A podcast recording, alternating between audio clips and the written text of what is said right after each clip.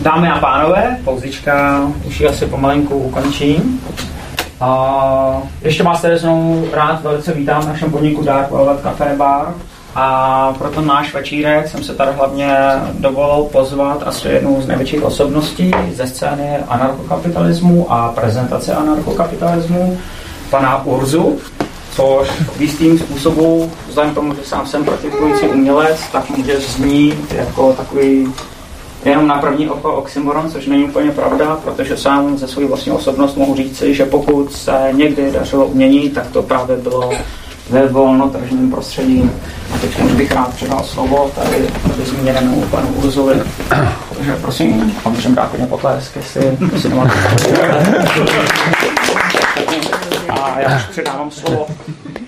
Dobrý večer, já vás tady vítám a je tady sice spousta známých tváří, pro které nebudu mít až tolik nových věcí, ale potom třeba nějakou diskuzi zajímavou. Ale protože jsou tady i lidi, které vlastně neznám a oni mě pravděpodobně taky ne, tak bych vám rád pověděl něco o směru, myšlenkovém směru, který se jmenuje anarchokapitalismus. A začal bych takovým způsobem od takových, řekněme, úplných základů. Dalo by se říct soubor pravidel, které jsme se s trochou nadsázky naučili ve školce. Minimálně je to něco, na čem se většina lidí shodne pro nějaké zdravé fungování mezilidské ve společnosti a podobně. A to jsou víceméně pravidla, že nechte ostatní na pokoji, neútočte na ně, nic jim neberte, když vám to nechtějí dávat, fyzicky nenapadejte, nezasahujte do toho, co je jejich a když s nimi chcete spolupracovat, tak si to s nimi domluvte a nenuďte je k tomu. Vlastně tohle to všechno by se dalo schrnout do takového žij a nech žít. A já si myslím, že tohle je něco, na čem se vlastně skoro všichni shodnou a jenom málo kdo proti tomuhle bude něco namítat. No a je ale hrozně zajímavý, že anarchokapitalismus není víceméně nic jiného než tohle, aplikováno skutečně do důsledku. A anarchokapitalisté se od ostatních lidí odlišují tím, že tyto pravidla vztahují nejenom na ostatní lidi, jako které potkávají ve svém osobním životě, ale i na instituce, jako třeba na stát. A je hrozně zajímavé, že když se podíváme na to, jakým způsobem funguje stát, tak to je vlastně jediná entita, která když tyhle ty pravidla porušuje, tak všichni jsou s tím v klidu, nebo všichni ne, anarchokapitalisti ne, ale vlastně všichni ostatní jsou s tím v klidu, protože když se podíváme třeba na to, když bych já k někomu přišel a chtěl po něm, aby mi zaplatil za nějakou službu, kterou si u mě neobjednal, nebo ji ani nevyužívá a já ji prostě jenom poskytuju, tak je to samozřejmě absurdní. kdybych tady třeba přednášel, řekl bych, že všichni musí zaplatit bez ohledu na to, jestli tady jsou nebo nejsou, nebo jestli z toho něco mají nebo nemají, tak by si každý řekl, že jsem se úplně zbláznil. A když bych to šel násilím vymáhat, tak by to jako najednou byl velký problém. Naprosto oprávněně a správně. Na druhou stranu, když něco takového udělá stát, tak to nikomu zvláštní nepřijde, protože celé daně jsou vlastně povinnou platbou za služby bez ohledu na to, jestli je využíváme nebo nevyužíváme. Dalším případem, kdy stát ty základní pravidla porušuje, může být třeba, já nevím, když se podíváme na vojenskou službu, nebo různé třeba, když, někde, když stát někoho uvězní, prostě za, aniž někomu něco udělal, prostě jenom protože překročil zákon, tak když nebyla žádná oběť, někomu neublížil. No a tohle je, že prostě vezmeme ty lidi, osekáme jim nějaké úplně základní svobody a všem to přijde OK, protože to udělal stát. No a další příklad, který bych uvedl asi poslední, je, a ten mi přijde z nich svým způsobem asi nejhorší, když já se rozhodnu, že budu své dítě vzdělávat, budu se o něj doopravdy starat, dám mu veškerou péči, vzdělání, sociální vazby a ani náhodou to nebude týrané dítě. A řeknu si, ale já nechci, aby mi ho vzdělával stát. Já si ho chci vzdělávat po svém a ne podle toho, jak určí úředník. Tak v tomhle případě, když já ho nedám žádnému přeskušování, nezapíšu do žádné školy a budu si na tom trvat, tak časem přijde sociálka a to dítě mi vezme. A je hrozně zajímavý, že samozřejmě, když by někdo někomu vzal dítě, tak to bereme jako jednu z nejhorších věcí, co můžeme jako vůbec na světě udělat.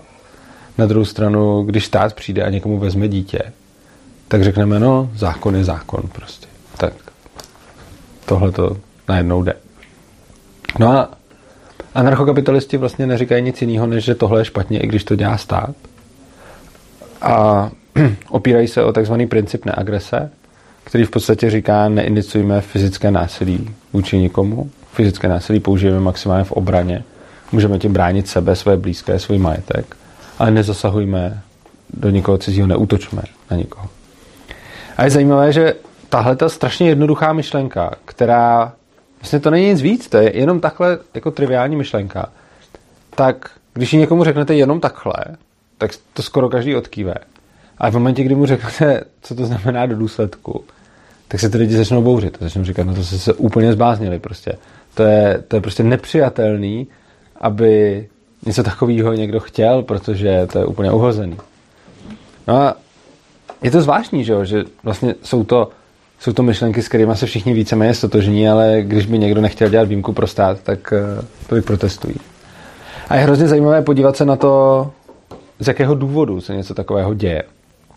Těch důvodů je samozřejmě víc. A myslím, že jeden z těch zásadních je to, jakým způsobem nás formují už ve škole, kdy vlastně už naši učitelé, protože oni mají osnovy ve státním školství, co nás mají učit, nám vlastně říkají, že tohle je v pořádku, že to se tak děje, že to se tak má dít, že zákony se musí poslouchat, protože prostě proto. A co hůř, my se vlastně už v těch školách naučíme ten stát uctívat. Ono je to nenápadný. Oni jsou to podobizny prezidenta a státní znak na zdi. Ono je to, že se učíme úctě k vlajce, k hymně a tak dále. A já nemám až tak nic proti tomu, když někdo má úctu k vlajce a k hymně. Ale je zajímavý, že když tohle to hustíme do úplně malých dětí, kterým je reálně 6, 7, 8 let, a ještě si to jako nemůžou promyslet dost dobře, protože k tomu ani nemají ty informace. Ty učitelé je napřed naučí, že něco se uctívá, že něco si tu úctu zasluhuje, aniž si to ty děti můžou rozmyslet. No a potom, jak po nich můžeme chtít, aby o něčem takovém kriticky uvažovali nebo diskutovali, když se napřed tyhle ty věci naučí uctívat? Myslím, že je těžko. A přesně na tomhle principu fungují vlastně náboženství. Ty fungují tak, a já třeba jsem věřící člověk a nemám proti náboženstvím obecně vůbec nic, pokud jsou dobrovolné. Ale v momentě, když by někdo začal do našich malých dětí povinně hustit nějaké náboženství a učil by je něco uctívat dřív, než vůbec mají šanci o tom pochybovat nebo si o tom něco zjistit, tak bychom asi všichni prskali.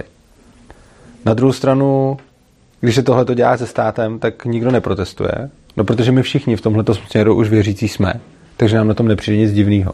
Úplně stejně jako když se podíváme do středověku, když tímhle tím způsobem fungovala církev, tak těm lidem to taky nepřišlo zvláštní, protože oni sami prošli tím samým. No a to je určitě jedna poměrně zásadní věc. Další důvod, proč lidi dělají takovou výjimku pro stát, často spočívá v tom, že my máme určité emoční vazby k určitým slovům a pojmům. K některým negativní, k některým pozitivní. Eh, třeba určitě, když řekneme demokracie, když řekneme svoboda, vlastenectví a tak dále, tak k tomu většina lidí má pozitivní vztah. A bohužel i k tomu státu, protože stát se má starat a tak dále. A je hrozně zajímavé, že tady si nemyslím, že škola je jediný zdroj, kdo vytváří pozitivní a negativní vazby k pojmům. To je naprosto normální, že takové vazby máme. Nicméně škola je do určité míry deformuje. A já na to znám jeden hrozně hezký příklad. A ten jsem si i před nějakou dobou ověřoval, sice ne na nějakým reprezentativním statistickým vzorku, ale ptal jsem se na to relativně hodně lidí. A ten příklad je Tomáš Garik Masaryk. To je jméno, ke kterému má strašně moc lidí ohromně pozitivní emocionální vazbu. A když se zeptáte lidí, Tomáš Garik Masaryk byl dobrý nebo zlej? Všichni ví, že dobrý. A když se zeptáte často, kdo byl náš nejlepší prezident, tak lidi často i říkají Masaryk. Jo? A když třeba se jedná o nějaký prezidentský volby nebo symbol, tak Masaryk často bývá používán marketingově jako symbol prezidenta prostě. Ale přesto, když se lidí pak zeptáte, co o něm víte, za co si ho vážíte, co ten člověk udělal, že si získal od vás takovýhle respekt. Ty lidi strašně často nevědí. Já říkám, že všichni. Jo, mnoho lidí ví, ví, kdo to byl. Druhá věc je, že o něm zdaleka nevědí všechno. Jo, že třeba nějaký pozemkový reformy a takhle netušejí často, že vlastně dělal věci i podobné tomu, co dělali potom komunisti. Ale teď je úplně jedno, co Masaryk dělal a jestli byl dobrý nebo špatný.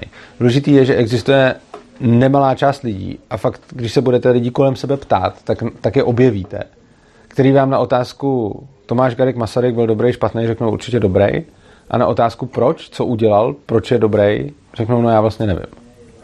A tohle je jeden z mnoha příkladů, protože u jiných pojmů to funguje velice podobně, akorát tam často ty lidi dokážou sáhnout do té paměti a vytasit nějaký argument. Zase na druhou stranu máme potom i negativní pojmy a mezi ty negativní pojmy mimo jiné patří například i ta anarchie, protože když někdo řekne anarchie nebo nejistota tak podobně, tak to je hned eh, jako navázáno na ty negativní emoce. A to, co se vlastně vytváří těm, těma těma dvojicema, touhle dv, jako dvoj, tím, že máme nějaký pojem, ke kterému máme emoční vazbu, ale potom víme, co ten pojem logicky znamená, tak může vzniknout jedna hrozně zajímavá věc a to je double think. To určitě známe z Orwella všichni. Každý, kdo čet nebo viděl nebo slyšel 1984, tak to byl totalitářský režim, kde se ty lidi učili doublethink, což je schopnost věřit zároveň dvěma si odporujícím faktům nebo tezím. A když si to také čtete, a já když jsem si to tehdy taky čet, tak jsem si říkal, to, to nejde, že jo. Já jsem si to zkoušel samozřejmě, každý si to snad zkusil, když to čet. A když si řeknete, to je jako taková fikce, že to nejde a už je to jako moc sci-fi. Ale po letech mi došlo, že on je to vlastně hrozně jednoduchý, jenom na to člověk nemusí, nesmí tímhle způsobem, že si vybere něco a, a, a dá si tam dvě věci. Ono bohatě stačí, když k jednomu pojmu budete mít pozitivně kladnou vazbu, emotivní, ale logicky třeba víte, že to kladný není. A v ten moment vzniká ten double think. A já ukážu příklady, které jsou strašně často jako vnímané v dnešní společnosti, že spousta lidí i v dnešní době čte toho Orwella a říká si, no to je hrozný, to bych ani nedokázal, já jsem se to taky říkal, ale zároveň tomu sami podléhají. Například, eh, když řekneme, že krásce špatné, krásce nemá, a je prostě, nesmíme někomu něco vzít proti jeho vůli. A zase, když to ale udělá ten stát přesně tohle, tak každý přijde s nějakou omluvou, proč je to vlastně v pohodě. A ještě navíc, a to je takový bonus, uh, ti lidi často označí zloděje toho, kdo se jenom nenechá okrást.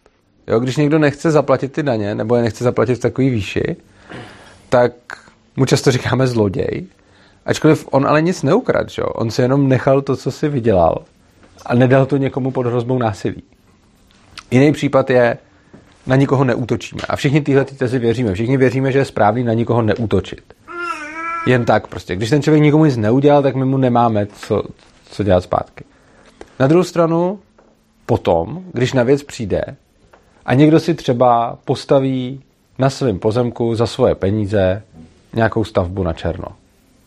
A teď ten člověk porušil zákon, ale nikomu nic neudělal. On tam má tu stavbu, vůbec nikoho neohrožuje, je to jeho stavba na jeho pozemku.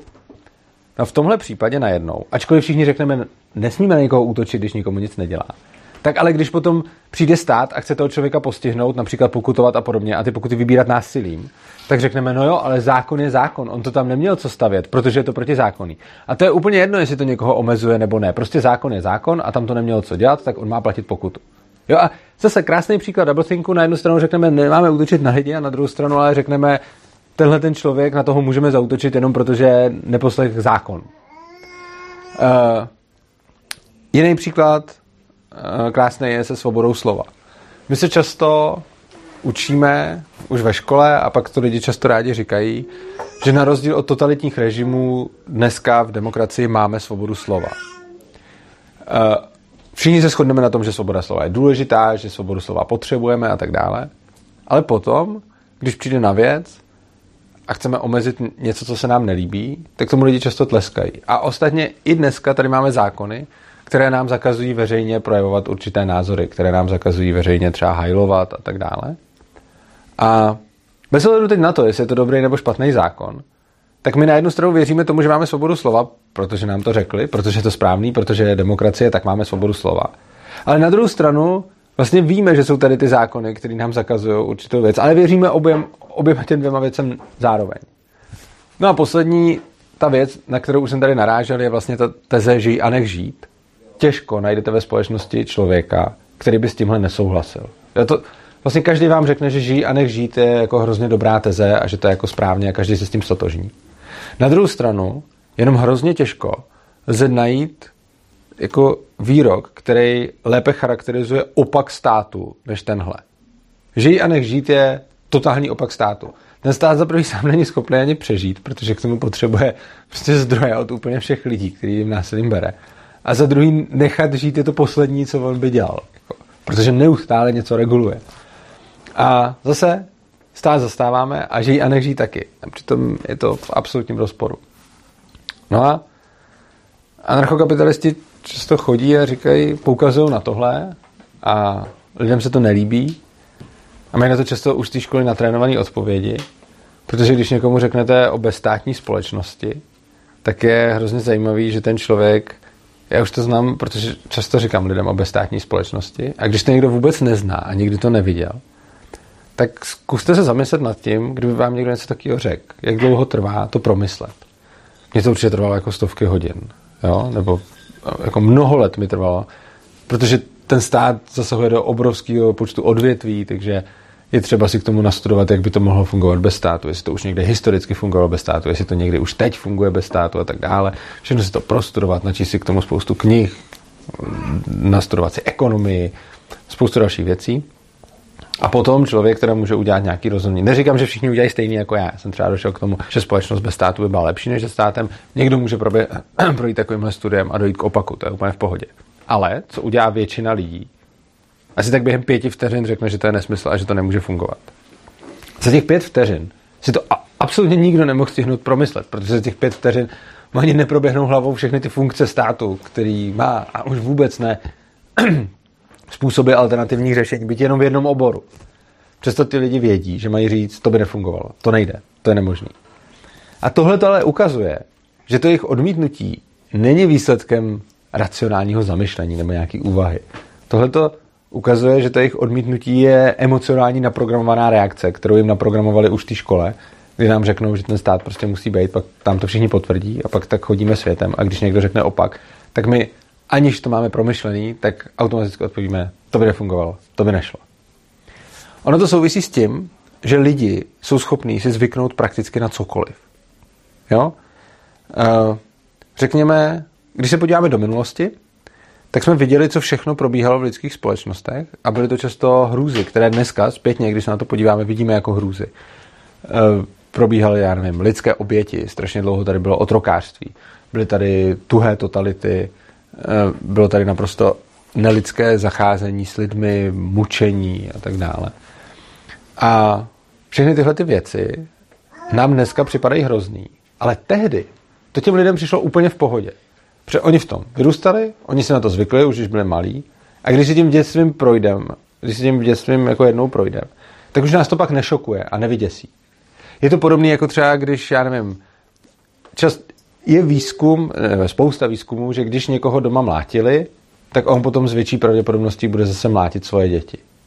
Proč? No protože pro lidi, který doma nikdo nemlátil, je to, že by najednou použil násilí na svou partnerku nebo děti, něco jako hroznýho, že, že ho to šokuje, protože to nezažil. Naopak ten, kdo v tom jako dlouhý roky žil, v době, kdy se formoval, tak si na to navyk. Je to pro ně normální, což znamená, že když by to sám udělal, tak už ho to nebude šokovat. Neříkám, že to každý udělá. On samozřejmě každý má svobodnou volbu a je spousta lidí, kteří byli týraný a pak nikoho netýrají. Ale nemají tam takovou tu zdravou pojistku, že by tahle ta věc pro ně byla šokující, protože už si ji prošli. E, když to vezmu na něčem mnohem mírnějším. Dneska, když bychom řekli, že dva lidi se vezmou, protože tak rozhodli jejich rodiče, tak tady v naší zemi je to jako blbost, jo? A všichni si řekneme, no to je absurdní, protože co? Ale tak si představte to samé tady před pár stovkami let. To bylo běžný, že rodiče rozhodli o tom, koho si děti vezmou. A nikdo neprotestoval. A když protestovali, tak jim to stejně bylo platný, protože se nakonec vzali, protože k tomu byli nějakým způsobem dotlačení. No a tehdy, kdybychom to zkusili někomu v té společnosti vysvětlit, že to není moc dobrý, ty lidi tímhle tím způsobem, no tak oni by nás neposlouchali, oni by řekli, Ježíš, to jsou nějaký idealistický, idealistický keci a láska, Ježíš láska. Já hlavně tady potřebuju prostě, aby se mi dcera provdala kvůli tomu, že táhle ten pozemek se musí spojit s nějakým a jste mi na záda s nějakou láskou. Že? No a pro ně to, to tehdy bylo uvažování úplně normální, pro nás je dneska absurdní a naopak, pro ně by bylo absurdní to, co se děje dneska. No a ukazuje to, že lidi si zvyknou na cokoliv bez ohledu na to, jestli je to hrůzný. Což znamená, že je klidně možný, že za nějakou dobu se lidi potom na stát budou koukat úplně stejně. A bude jim to připadat stejně hrůzný, jako nám dneska připadá to otrokářství, eh, tyhle ty vynucené sňatky a tak podobně. Akorát my to teďka nevidíme úplně stejně, jako to neviděli ty lidi předtím. A je hrozně zajímavý, že v takovýchhle, když se děje něco takového ve společnosti, tak se objevují lidi, kteří, který to napadne. I navzdory té společnosti, tak si to prostě nějak uvědomí. Jo, občas se někdo najde. A tihle lidi často, když se na tu nespravedlnost nebo to, co se kolem nich děje, dokáží podívat tímhle způsobem, tak oni proti tomu často začnou brojit. A to se můžeme třeba podívat, když se rušilo otrokářství, tak napřed byli nějací abolisti, ty, ty, co to chtěli zrušit. A jim už tehdy přišlo, že je prostě nesmyslný, že nějaký lidi jsou majetkem jiných lidí a že je s nimi zacházeno takhle hrozně. A chodili společností a říkali, tohle je hrozný, to je nepřijatelný. Ale ta společnost je neposlouchá, ta společnost se měla zablázny prostě. Ta společnost jim říká, jako, táhněte s tím někam, to prostě nikdo soudnej nemůže myslet vážně. Mimochodem je hrozně zajímavý, že argumenty proti abolistům jsou skoro totožný s argumentama proti anarchokapitalistům. Jo? Takže to, čím lidi tehdy hájili to otrokářství, jsou de facto ty samé argumenty, kterými dneska hájí ten stát. Jako otrok se o sebe nedokáže postarat. Občan se bez státu o sebe nedokáže postarat. Kdyby jsme ty otroky pustili, tak tady začnou prostě pobíhat a vraždit. Kdyby jsme zrušili ty zákony, tak se tady všude začneme vraždit. Že? Uh, bez otrokářství by padla ekonomika. No bez státu by padla ekonomika. Že? Vše, všechny tyhle ty věci máme takhle naučený, jsou to, je, to, je to furt to samé, je to takový, takový to strašení, když se tohle to změní, jo, další skvělý argument, Otrokářství je instituce, která tady byla už tisíce let a evolučně se osvědčila a prostě teď je nesmysl to měnit. To, to slychám pořád. Stát je tady tisíce let, tak to přece nemůžeme teď měnit. Že? No a nakonec se ukazuje, že za těma těma myšlenkama, za kterými stojí většinou na začátku nějaká parta bláznů, tak, že občas, když jsou to myšlenky dobrý, tak se časem uchytí. Většinou ta první parta bláznů se toho ani nedožije. A předávají to nějakým způsobem dál, vytvářejí nějaký hnutí, který postupně třeba roste a časem třeba uspěje. Třeba u toho otrokářství to byl úžasný úspěch. O tom začínali mluvit lidi už dávno předtím, než se to vůbec jako stalo. Pak to zrálo a pak v nějakou dobu, vlastně to je hrozně zajímavé, ono to po celém světě bylo po tisíce let. Otrokářství je tak starý jako lidstvo samo. Kam nám až sahají historické záznamy, tak tam bylo otrokářství. A po tisíce let to tady bylo a pak to najednou během strašně krátké doby zmizelo. Že se ty společnosti začaly osvobozovat a najednou tam to otrokářství pak už nebylo prostě. A na celém světě, jako ne na celém světě ve smyslu, že v každé zemi, ale na většině zemí světa to třeba bylo otrokářství zrušeno během 150 let. Což je hrozně málo na jako celý dějiny, nebo možná 200 let, těžko říct, záleží, co budeme brát, ale je to prostě strašně krátký časový úsek, kdy najednou došlo ke změně toho paradigmatu, oni se začali někde osvobozovat a teď lidi jinde viděli, že to vlastně funguje a když viděli ten příklad, tak, tak za ním šli.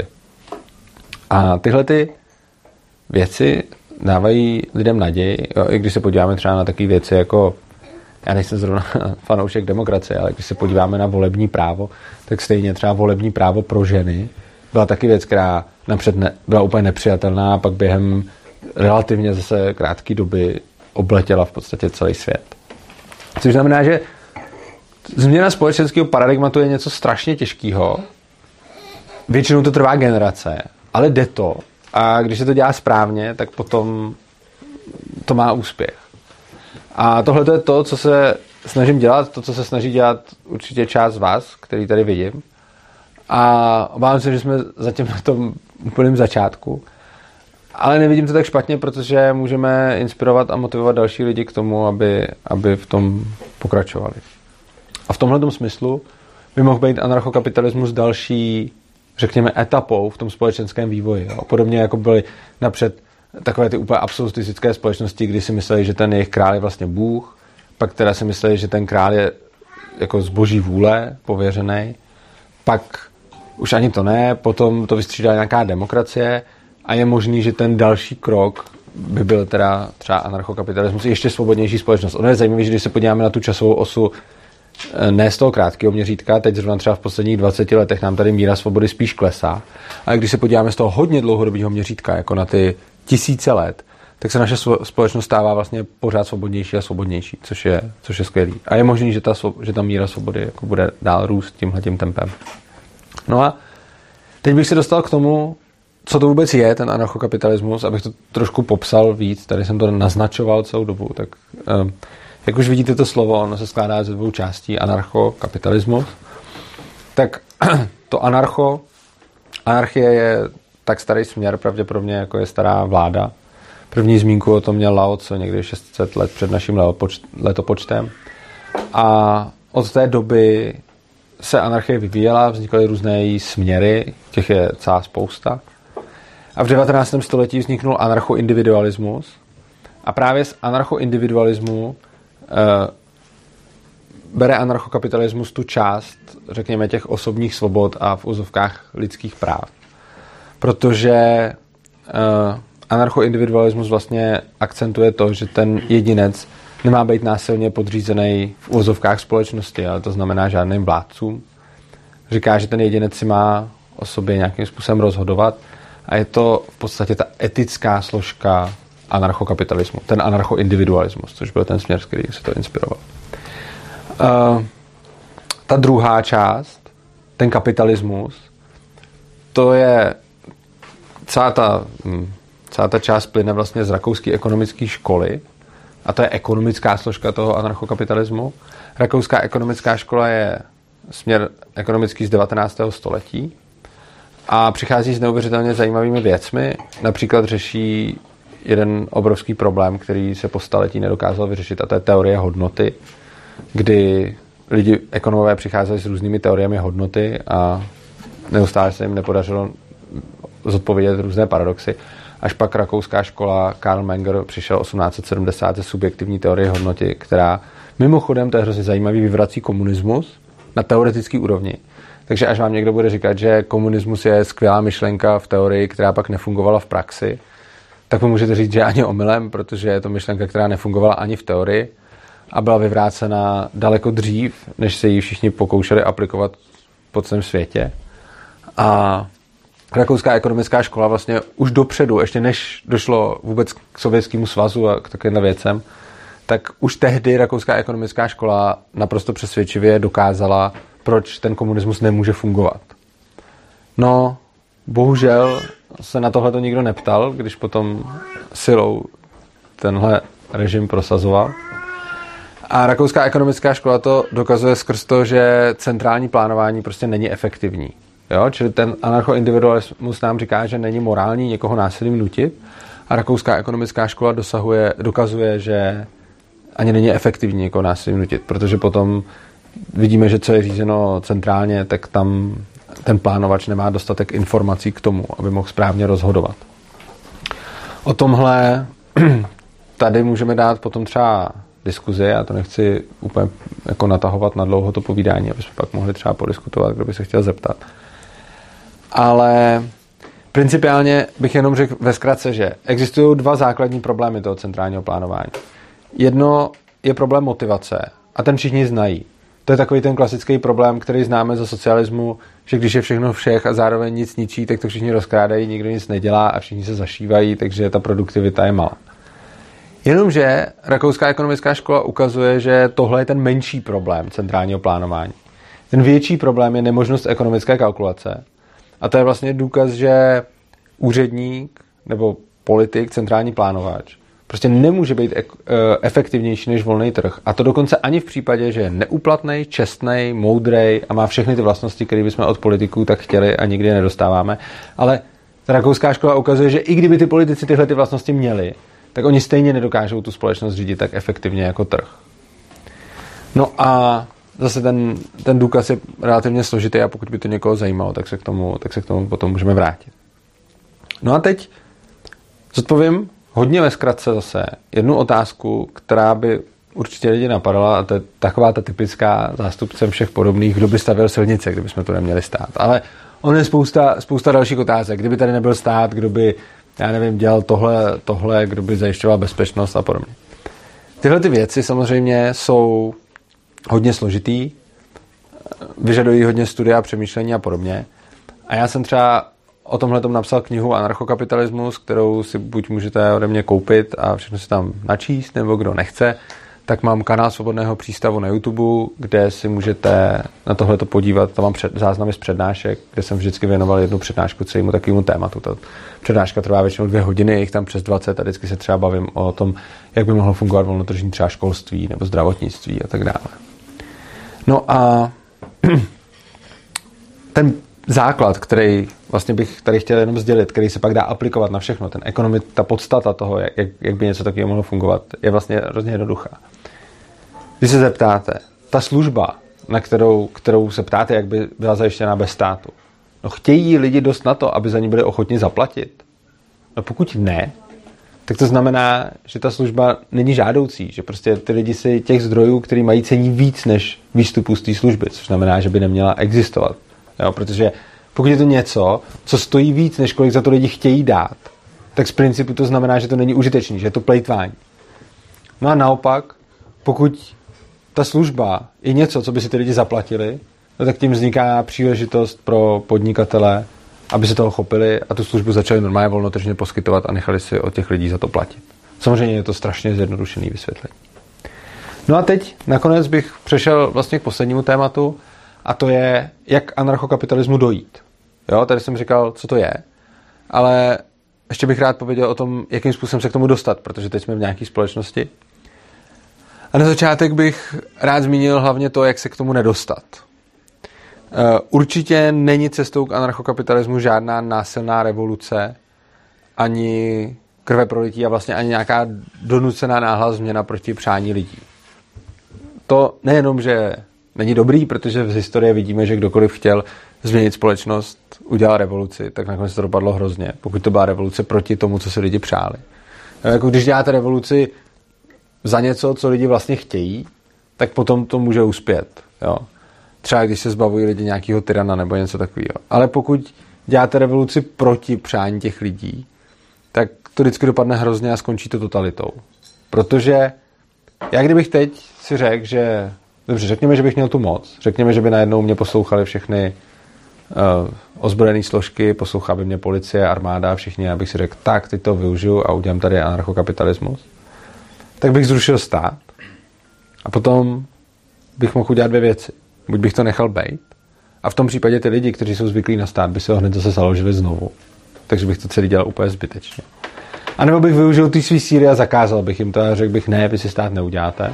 No a v tu chvíli jsem se státem stal já, protože já mám tu ozbrojenou moc, kterou všem diktuju, co mají a nemají dělat. No a to znamená, že násilná cesta nejenom není dobrá, jak vidíme z historie, ale ona ani nebude z principu fungovat. Což znamená, že nám zbývají ty mírumilovné cesty a to ukazovat lidem, v čem je to dobrý. Přesvědčovat je o tom, proč je svoboda dobrá. To je první strašně důležitá věc, ve kterou já věřím a proto tady dělám to, co dělám a proto s váma mluvím. No a druhá možnost je začít to praktikovat, ale rozhodně ne tak, že půjde člověk někam střílet policajty nebo něco takového, ale začít to praktikovat tím způsobem, že začne dělat opt-out ze služeb státu. Ne všude to jde, někde se to dá.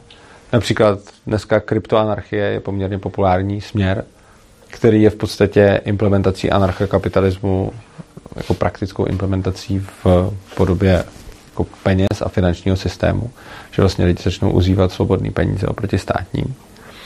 A obecně všechno to, co by stačilo anarchokapitalistům k tomu, jako ke štěstí by bylo, aby stát nezakazoval konkurenci a neuzurpoval si monopol na ty služby.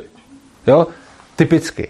Stát reguluje hospody a říká prostě v hospodě musí být tohle, tohle a tohle, protože jinak eh, je to úplně špatně a lidi to nechtějí. To a lidi by, já nevím, třeba by jim tam někdo dal jedy nebo něco takového. To, co chtějí anarchokapitalisti je, ať stát povolí z tohoto systému opt-out. Ať povolí hospodu, která je klidně označená. Toto není hospoda, ve který platí státní regulace. A tam ať si to ten majitel dělá fakt po svém. Hospoda je jeden příklad. Můžeme jít do dalších, jako třeba školství. Ať stát nechá lidi, ať si zakládají školy. Jaký chtějí, podle jakých chtějí pravidel. Ať to označí, tohle to není státní škola, prostě ani se ne, nepodrobuje státním regulacím. A ať ty lidi, co tam chtějí dávat své děti, jsou umožněni je tam dávat. A ideálně, aby to byl skutečně opt-out, aby nemuseli státu platit za tu službu, když ji nevyužívají. Což znamená, že pokud já chci dávat svoje dítě do nějaké školy, která vůbec není státní a nemá se státem nic společného, tak ať mi stát sleví na daních tu odpovídající část, která by šla do toho školství. Takže jediné, co vlastně chtějí anarchokapitalisti, je nechte lidi, ať konkurují státu. A vlastně to je další příklad double thinku, to mě napadlo až teď. Všichni víme, že monopol je špatný. To všichni vědí, všichni říkají, monopol je opravdu jako zlo. Ale když stát je monopol, tak je najednou v pohodě. A jediné, co anarchokapitalisti říkají, je zrušme monopol státu. Ať tomu státu může vznikat konkurence. No a všechno tohleto je samozřejmě, tohleto se dá dosáhnout podle mě fakt jako jenom tou míromilovnou cestou, protože uh, jít někoho k něčemu nutit, když to většina lidí nechce, nedává tak nějak smysl. No a to je víceméně všechno, co jsem vám dneska chtěl říct. Já to ještě v krátkosti schrnu, aby jsme jako věděli, co, co jsme tady říkali. První věc důležitá, že anarchokapitalisti fakt jenom chtějí aplikovat ty základní pravidla lidského soužití, prostě nekraťte druhým, neutočte na ně, na všechny, včetně státu. Za druhé, ten stát není morální, protože se tímhle tím neřídí a protože od nás loupí a protože nás uzurpuje a nutí nás dělat věci tak, jak určí politici. Za třetí, ten stát není efektivní. To jsem tady úplně přesně nerozebíral, protože by to bylo nadlouho, ale můžeme se k tomu dostat. A to dokazuje ta rakouská ekonomická škola. No a konečně anarchokapitalismus nelze nastolit silou. Je třeba to opravdu udělat míru milovně a snažit se přesvědčovat lidi, to je to, co třeba dělám já. A potom o ten opt-out, což znamená od toho státu se osvobodit, přestat využívat jeho služby, vytvářet paralelní struktury, které budou státu konkurovat. A jedině tak můžeme vytvořit svobodnější společnost. A je to něco, co dělat musíme, protože, nebo musíme, pokud to dělat nebudeme, tak společenská dynamika a trend v posledních, řekněme, 20 letech je, že ta totalita roste. Ve smyslu, ten stát neustále víc a víc reguluje, má pořád větší a větší moc a pokud s tím nebudeme nic dělat, tak se opravdu jednoho dne probudíme v totalitě. Takže vám děkuji za pozornost a kdo má nějaké otázky, tak se může na cokoliv ptát, kdo chce něco připomínkovat nebo odporovat, diskutovat, cokoliv. Je to na vás.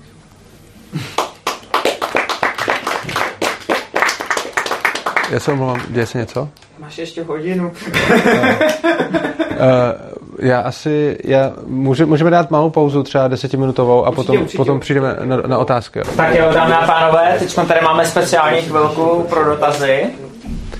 Takže teď, kdo má nějaký dotaz, tak uděláme to trošku, trošku právě jsem zvyklý na nějaký masakr, takže by, jako, že bychom třeba mohli jako, že ten dotaz, tady Urza si ho, Urza si ho jako prostě poslechne a Urza na ní bude odpovídat. Zvládám to takhle, co myslíte? A můžeme i jako kritiku, nemusí to být samozřejmě jenom dotaz. A já se jenom omlouvám, my budeme muset eh, dneska brzo odejít, takže na ty dotazy tak půl hoďku. A já se potom omlouvám, máme tady, musíme prostě vypadnout. No. Yes. Tak. jo, takže má někdo nějakou superovou, skvělou otázku? Nikdo nemá otázku. Fakt nikdo nemá otázku, nebo se... Otázku, jo, tu otázku. Já mám možná jako takovou ano. laicky historickou připomínku. Super. Uh, ohledně toho Masaryka.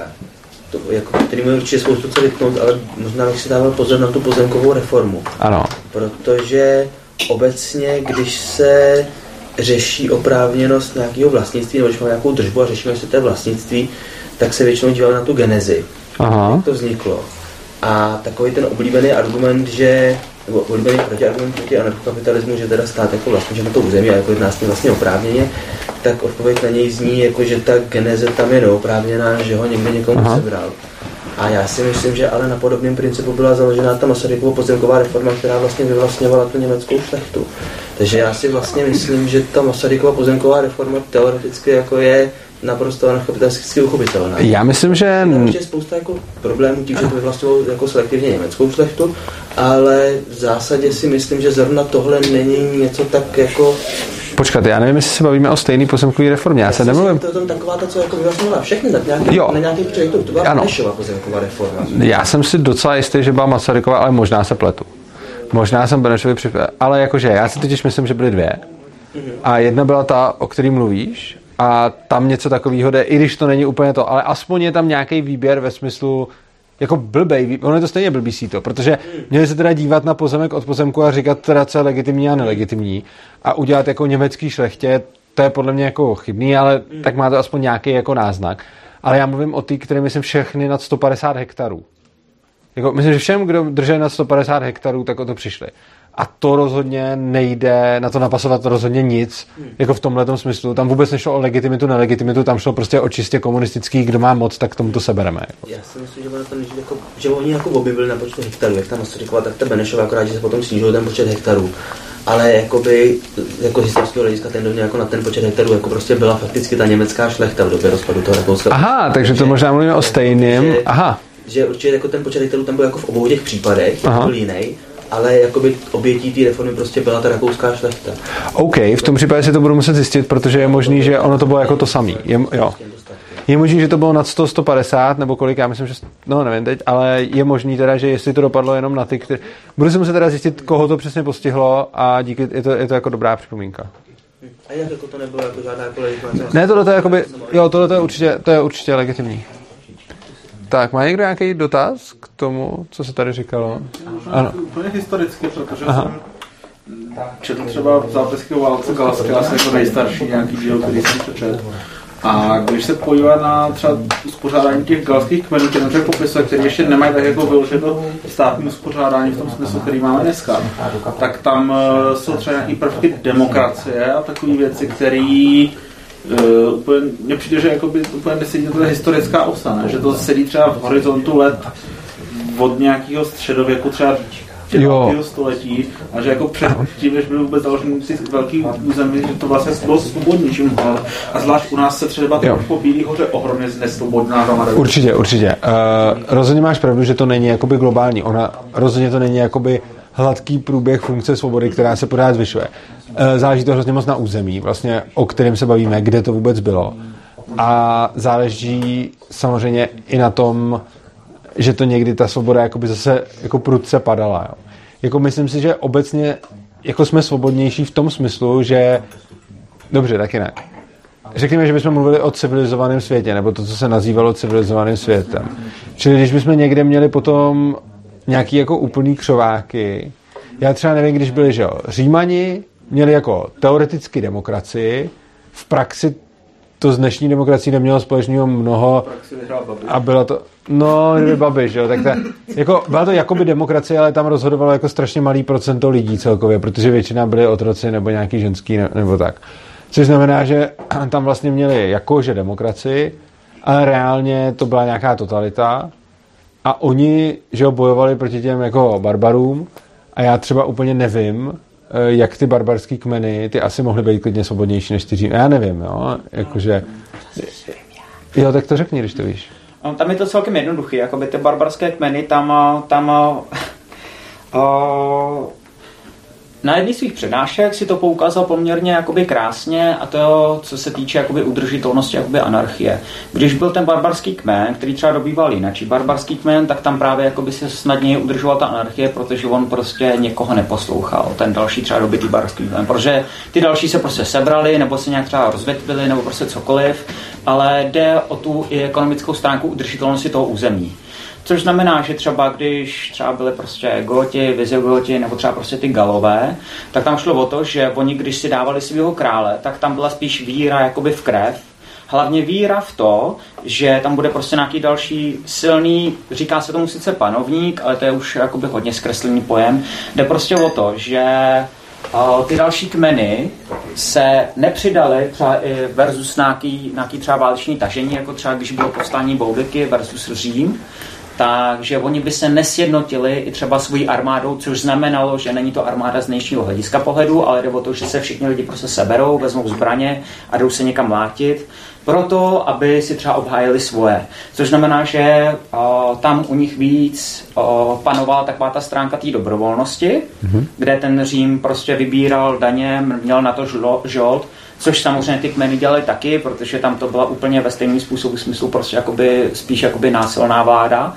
že prostě tohle je moje území, tady prostě vybírám jakoby svoje daně, ale fungovala tam i v rámci prostě nějakých tehdejších informačních technologií, kde často neexistovalo ani písmo, nebo když existovalo, tak bylo posvátné, tak neměli možnost kontrolovat veškeré svoje území. To znamená, že byli nucený spíše všechny ostatní kmeny hmm. prostě poslouchat, nebo takhle. Museli si získat jejich sympatie natolik, aby byli schopní se dobrovolně sjednotit a potom vygradovat vůči ostatním. To znamená třeba, že když byl nějaký král, třeba nějakého národa, třeba Germánů, který potom třeba dobývali Řím, tak oni museli dát nějakou vizi něčeho, co je pomohlo sjednotit. Zase je pravdou, že tou vizí třeba bylo jenom vypálit Řím. Ale jestli to dobře chápu, tak teda uh, ta jejich svoboda nebyla uh, na úrovni jednotlivce, jenom to, ne, jenom to bylo víc decentralizovaný než ten Řím teda.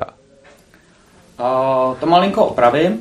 Ona byla hodně na úrovni jednotlivce, ale to bylo z toho důvodu, že tehdy to ani jinak nešlo. Protože tam, když jednotlivec prostě nechtěl bydlet, bydlet prostě v nějaký vesničce, kmenu nebo něco takového, tak se prostě sebral, šel do lesu a neměl problém tam přežít. Jo, ale musel, eh, jasně, ale musel opustit svůj majetek. Tím se to třeba lišilo od těch Islandianů, tam to bylo hrozně zajímavé, že tam bylo možné opustit svůj jakoby kmen, nebo se i přidat k jinému, ale zůstat na místě a nechat si svůj, jako, svoje obydlí, i když kolem bydleli ty ostatní. Čili jakoby tam se, jako to, o čem mluvím, to osobní svobodu, jakože neberu jako moc osobní svobodu, když mi řeknou, když tady všechno necháš, tak můžeš jít, to se moc neliší od dnešního státu, ale jako osobní svobodu beru to, co bylo třeba na tom Islandu, že byl kmen, který někde žil a teď, když někdo nebyl spokojený v tom kmeni, tak vedle byla jiná vesnice.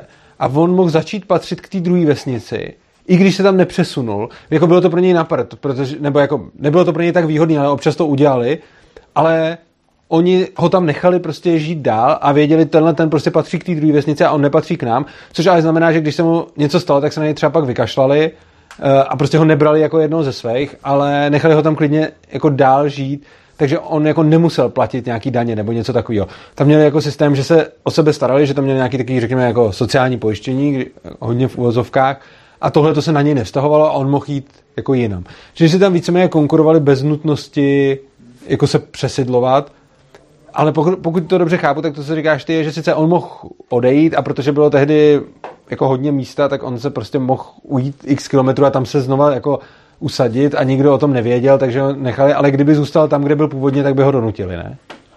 Uh, jo i ne. Tam, uh, jde tam o to, že třeba jako co byl Island, tak on už v rámci třeba prostě nějaký oduchovněnosti člověka, tak mu prostě třeba Island, tak jak se prostě zachoval a prostě byl jakoby samostatný a bojoval za svou svobodu, tak to bylo přesně z toho důvodu, co ty říkáš, jako v tom, že chtěli mít klid. Jo. To, co tam nebylo, tak například to s tím místem prostě jakoby neplatí, protože jakoby ta úrodnost té půdy a zároveň i vzhledem těch, těch, těch technologií a tak dále, prostě byla men, men, prostě mnohem menší.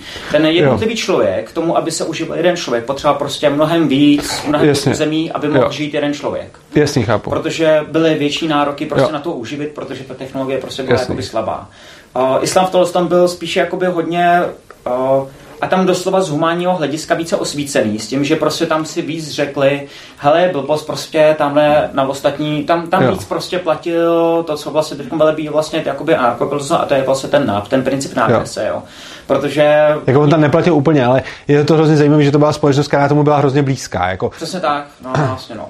To se tam spíš jakoby o to šlo, že, že jakoby celková ta společnost, prostě tam kdokoliv může zdrhnout a tam spíš jakoby soupeřili o to, že uh, ty vyvrženci, ten, ten vládař si musel hodně prostě jakoby plánovat a celkově i ta daňová zátěž oproti dnešní daňové zátěži nemohla být no, rozhodně tak velká, tak brutální. Z ekonomických prostě. důvodů nemohla. Tam i těch prostě, kdybychom to dneska propočítali na nějakých těch 10%, tak tam to bylo absolutně likvidační prostě, jo. jo. Zatímco u nás je likvidační prostě na 60 výš třeba, jo, spekuluju. No to ještě není, jo. jo jako tady, vlastně jsme, to, to je taky dobrý, jsme jakoby tak bohatá společnost, že si můžeme dovolit, dovolit uh, socialismus. socialismus a tak strašně vysoký daně, Protože je fakt, že když tehdy někomu vzali možná 20%, tak on mohl umřít hlady a dneska hlady neumřeme, i kdyby nám vzali 90%. Takže... Bychom nepřešli zimu prostě s dnešním uspořádáním. No, asi tak, no. jako jo, no.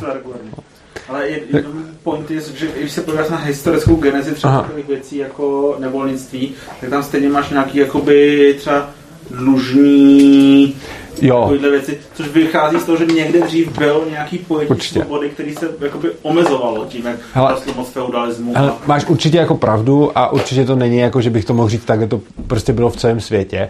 Jenom když by si to třeba nějak jako označil, myslím si, že kdyby si vzal třeba všechny lidi na světě a teď by si koukal, kolik jich jako je v, v, tom, jako v nějakém otrokářském stavu a kolik ne, když bys to nějak nedefinoval, tak ta křivka jako samozřejmě nepůjde takhle jako úplně krásně nahoru, ona bude jako zubatá, ale prostě bude napřed nějak dole, jako strašně moc tisíc let bude takhle zubat dole a pak najednou prostě vyletí nahoru během chvilky a teď už je v podstatě jako, že vlastně už skoro nikdo není otrok.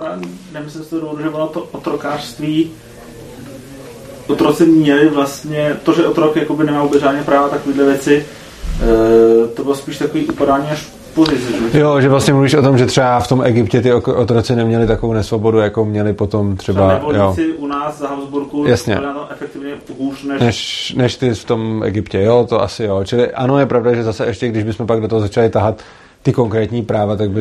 No. Jo, jo, to, jo, máš pravdu, že tohle je jako zajímavá, zajímavá otázka. Každopádně spíš jako tam jde o tu, já jsem o tom mluvil v souvislosti s nějakou, uh, jak to říct, prostě s nějakým paradigmatem v té společnosti, který se mění a to paradigma toho, že někdo může být něčím otrokem, vlastně padlo potom najednou. A, a je, je samozřejmě možný, že dřív těch otroků, jakože se třeba někdy, někdy měli líp, jako fakticky, že měli jako víc svobody jako otroci, ale pořád to nějakým způsobem byli teda otroci, no. Tak, má někdo další otázku, připomínku, cokoliv? Já bych měl otázku. Vlastně, že je takový téma, který prostě nemám jako domyšlený a to je jako to otázka vymáhání práva. Prostě, když jako ta Aha. protistrana nebude souhlasit s nějakým jo. verdiktem toho jako soudce, kterýho já jo. jsem si vybral a bude prostě naopak si na, na nějakou bezpečnostní agenturu, že? Tak prostě tak jako tohle je jako oblíbená otázka a tam vůbec jako nedává smysl, abych já si vybral a najal soudce, který ho z protistrana nebude respektovat. Jo, to je, to je vlastně situace, ke který smysluplně nemá proč dojít. Jo. Jakože já, když mám soudce, který ho z protistrana nerespektuje, tak nemám žádný důvod ho platit, pokud se nic nestane. A, a ta strana myslíš jako ten, ten, ten, ten subjekt, anebo ta, ta jeho bezpečnostní agentura? No ne, tím myslím jako by ten subjekt primárně a teď jak se to, jak, jak to... Protože třeba prostě, když ti on něco ukradne, Dobře, já to, prostě automaticky vím, bude odmítat. Ta odpověď je poměrně, no právě, ta odpověď je poměrně rozvětvená, proto jsem jako začal něčím a teď pokračuju. Uh, první jako případ je, když ty lidi nějakým způsobem předtím spolu měli nějaký vztah, jo? čili je to ten lehčí případ, proto tím začnu. Třeba když se budeme vzájemně, nebo jeden z nás toho druhého zaměstná, tak budeme mít nějakou smlouvu a v té smlouvě už bude odkaz na soudce, který to bude v tu chvíli soudit, což znamená, že jsme odsouhlasili. Tam je to jako easy. No a v momentě, kdy se dostaneme do stavu, že žád, nic takového jsme neměli, přesně třeba to, že jsme něco ukradli, no tak v tu chvíli ale uh, to buď budu řešit já, nebo to bude řešit moje bezpečnostní agentura. A teď jako je x případů, ale tak primární příklad máme oba dva prostě bezpečnostní agenturu a ty jsi mi něco ukrad a já si teda jdu za tou svojí a řeknu jí, hele, on mi něco ukrad a ty řekneš svý agentuře, chraň já jsem nic neukrad. Že?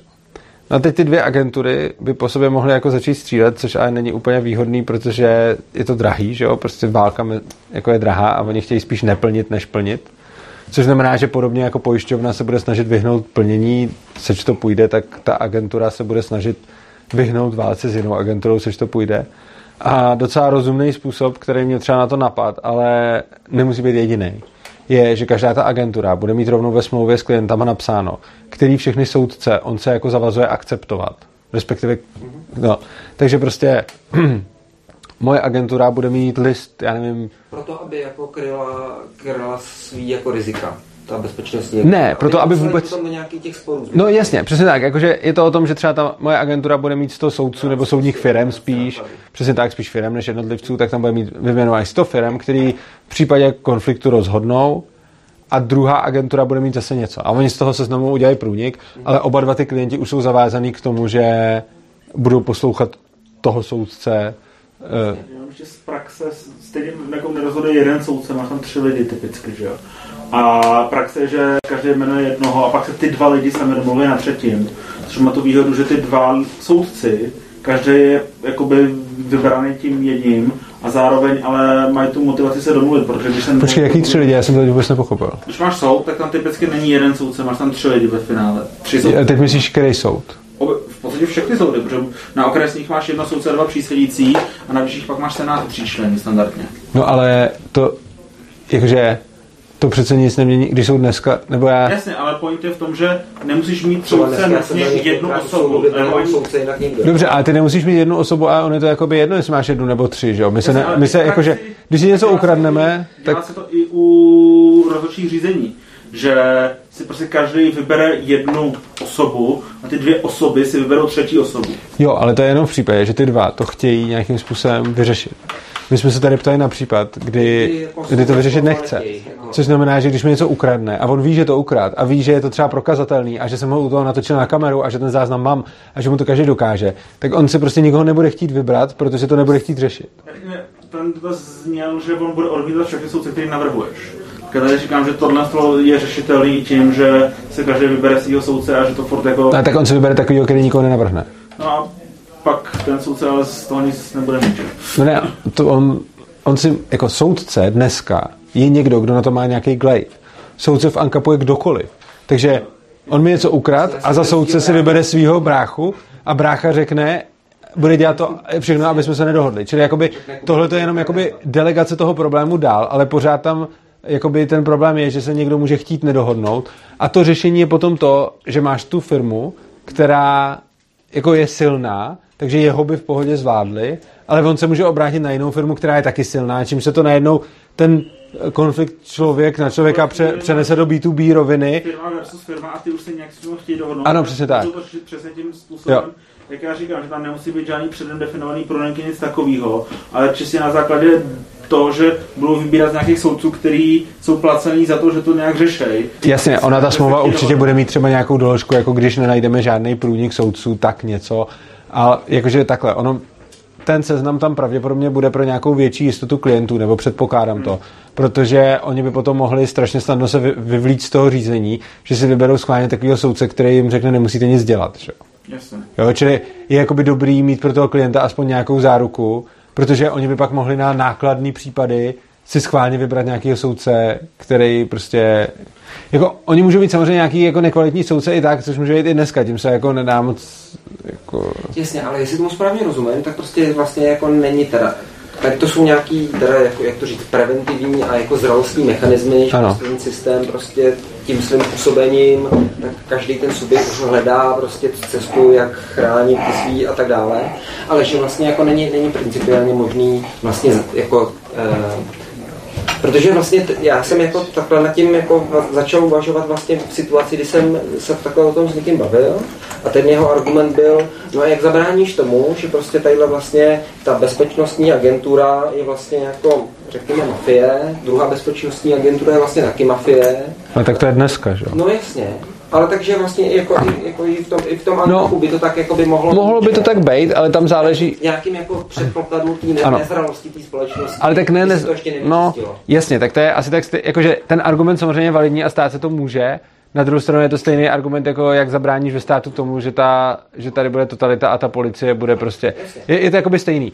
A jakože myslím si, že přece jenom v tom státu je ta šance, že se to stane jako větší, protože tím, jak je ta moc centralizovaná a ovládají relativně málo lidí oproti celému trhu, mm-hmm. tak jako přijde mi, že šance, že se nějakým způsobem Babiš dostane teď k moci a začne ovládat policii, aby šla aby dělala to, co on chce, ještě víc, než se to děje teď, a že nějakým způsobem získá moc nad soudama a podobně, tak tahle šance mi přijde větší, než kdyby ta moc byla decentralizovaná.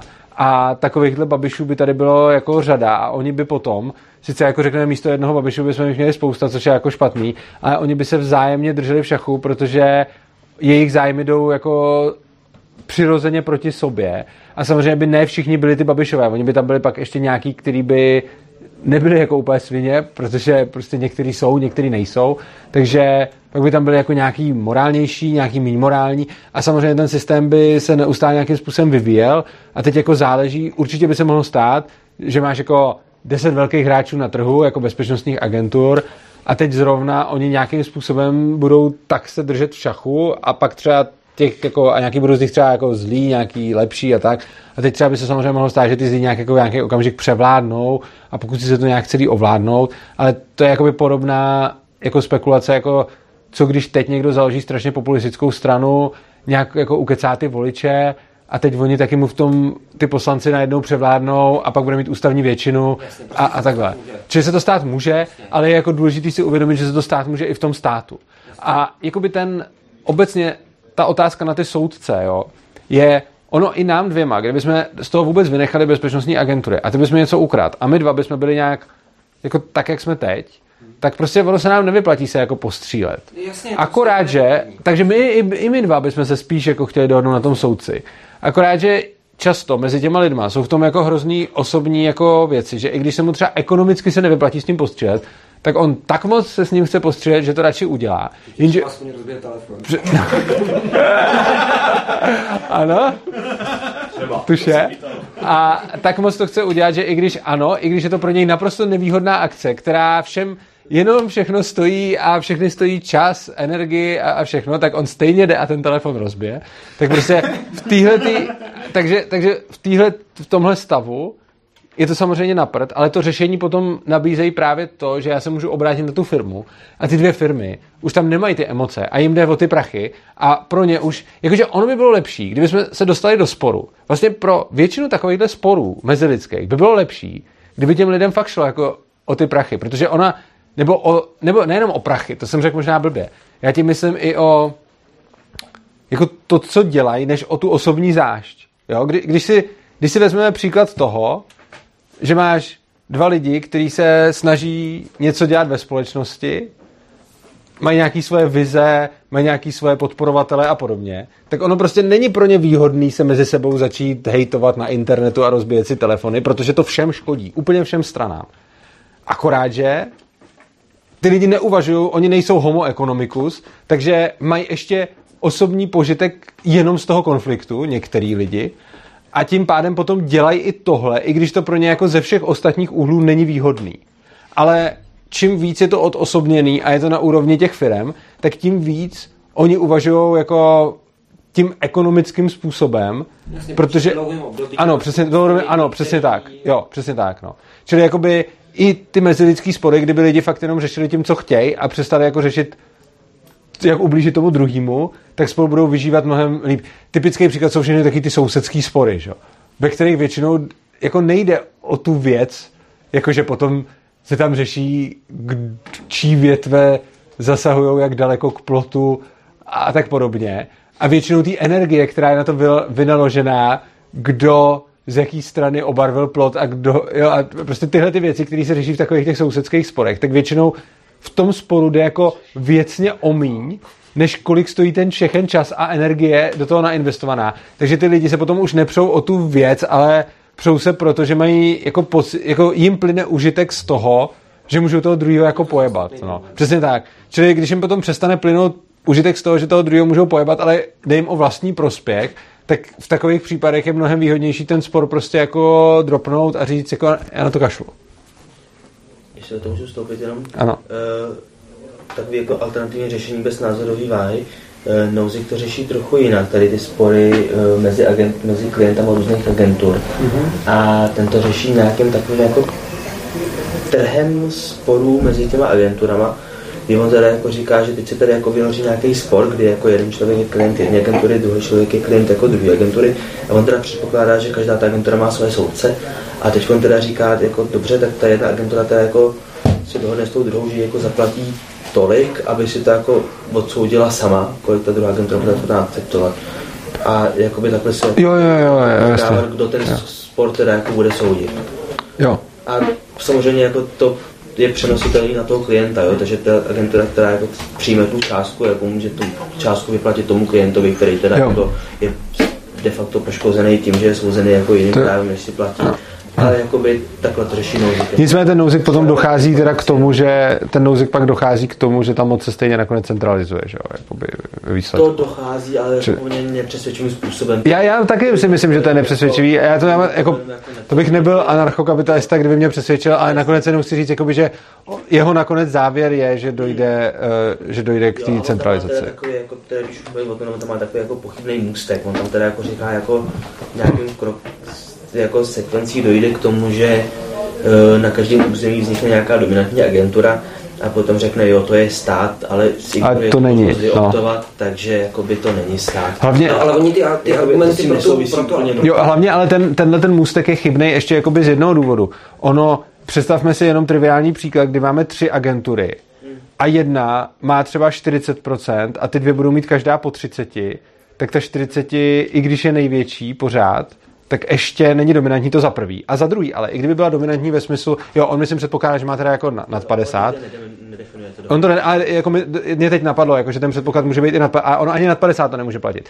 Předpokládejme, že jsou agentury, kdy jedna má prostě 60% a pak ty zbylí mají po 20. No, ale oni, když se mezi sebou začnou mlátit, tak ta, 60, tak ta, co má těch 60%, sice jako vyhraje, ale bude mít nějaký ztráty a oni tam můžou najednou jako vyrůstat subjekty, který tam začnou třeba zasahovat odinut, protože je třeba si uvědomit, že vlastně ani Jakože často si lidi řeknou, dobře, tak kdo je nejsilnější, tak může ty ostatní vymazat. A on jako může, ale často za cenu toho, že sám tratí. Což znamená, že když bude někdo vymazat, přesně tak, že ta, ta 60% prostě má někdo 60% trhu z bezpečností a zblbne a řekne si, jdu teda sejmout všechny ostatní, no tak řekněme, že ty zbylí dvě mají po 20, tak on začne, a teď začnou všude, všude narůstat ztráty, ale v ten okamžik už se i normálním lidí, když oni uvidějí prostě, dobře, tahle ta agentura teď jde obsadit všechno, tak samozřejmě ty lidi by s tím sami o sobě nic neudělali. Ale když uvidí, že ty ostatní s tou velkou agenturou bojou, no tak oni se k ním prostě přidají, že? protože uvidí, že teda ten agresor se snaží ovládnout všechno. No a v ten moment z toho teda vznikne nějaká jako ano, občanská válka, což je jako špatně. Jenže já spíš to ne, ne, neukazuju na, na ten příklad, když už se to stane, ale spíš, že je to odrazení pro toho dominantního hráče to udělat, protože on jako jednak bude mít hrozný ztráty na, na tom boji s těma dvěma a jednak ani nemá jistou výhru, protože se najednou můžou najít lidi, kteří vůbec nemají bezpečnostní agenturu, jako že to vůbec není bezpečnostní agentura.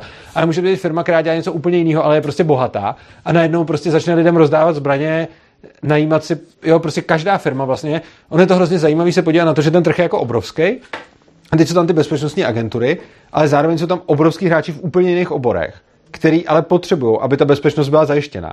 Takže my, když se podíváme tím nouzikovským způsobem pouze na ten trh s tou obranou a vynecháme ty ostatní trhy, že tam jsou vůbec, tak najednou si můžeme vymodelovat nějaký teoretický model, kdy prostě jedna bezpečnostní agentura začne jako mlátit ty druhý a má navrh. Ale potom do toho může vstoupit prostě Microsoft, Google a Lego, který nejsou vůbec jako, jako v bezpečnostní agenturu, ale mají prachy a chtějí, aby a chtějí, aby byla prostě, eh, aby byla prostě ta mírová společnost, protože jejich obchody kvetou v míru a ne v tom, kdy se tam všichni po střílejí.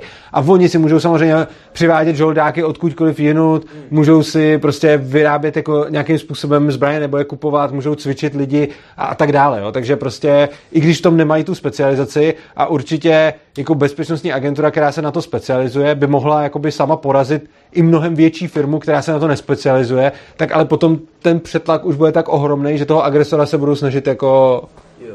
Já jsem nechtěl být žádný jako noucikovský argument pro stát, jenom jo. přijde, že jako nezávisle na tom, kam ten Noucikov konec došel, tak tady ta myšlenka toho jako trhu s těma sporama je jako zajímavá. Jo, určitě, určitě.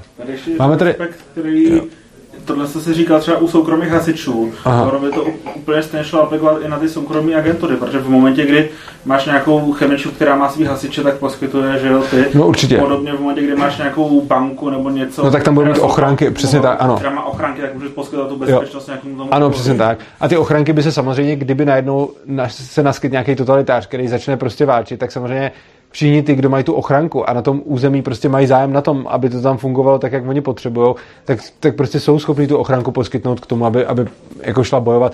A jak říkám, oni tomu budou pomáhat i ty lidi. Čili jako jediný, jak by to mohlo padnout, je, když by ta největší byla jednak největší multioborově a jednak by ještě měla podporu jako lidí a vlastně všichni dohromady ostatní by ji nedokázali přečíslit, tak to potom jako stát bude.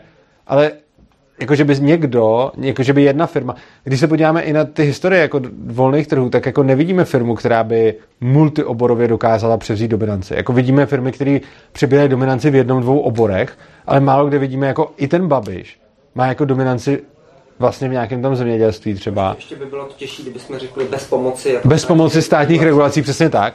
Tak potom i ten Babiš, no, který má... Samsung, no, tak to je za pomoci státních Jo, to, no, přesně tak, ano, Samsung, jo, to je pravda, no. Ale tak jako potom, když máme tyhle, ty, tyhle ty velké firmy, tak oni samozřejmě jako ano, mohl by nastat případ, že jeden člověk, která bude mít dominanci 50 důležitých odvětví od energetiky přes zábavní průmysl až po bezpečnost a ten pak se reálně může stát státem, když bude chtít. Ale tenhle ten argument už je na úrovni toho, co když se 200 poslanců domluví, že nás tak pěkně převezou a ještě se senátorama a jako taky to můžou udělat. Že? Každopádně já bych teď dal poslední dotaz, protože už se nám blíží ten a budeme muset jet. Můžu, tak... můžu já a, a Uh, nebo takhle, má někdo tady ještě poslední dotaz jiný, nebo já se, kdo má nějaký důležitý, nikdo asi dobře. No to tak, mám já teď. Jo, tak důležitý, dobře, dobře. okay.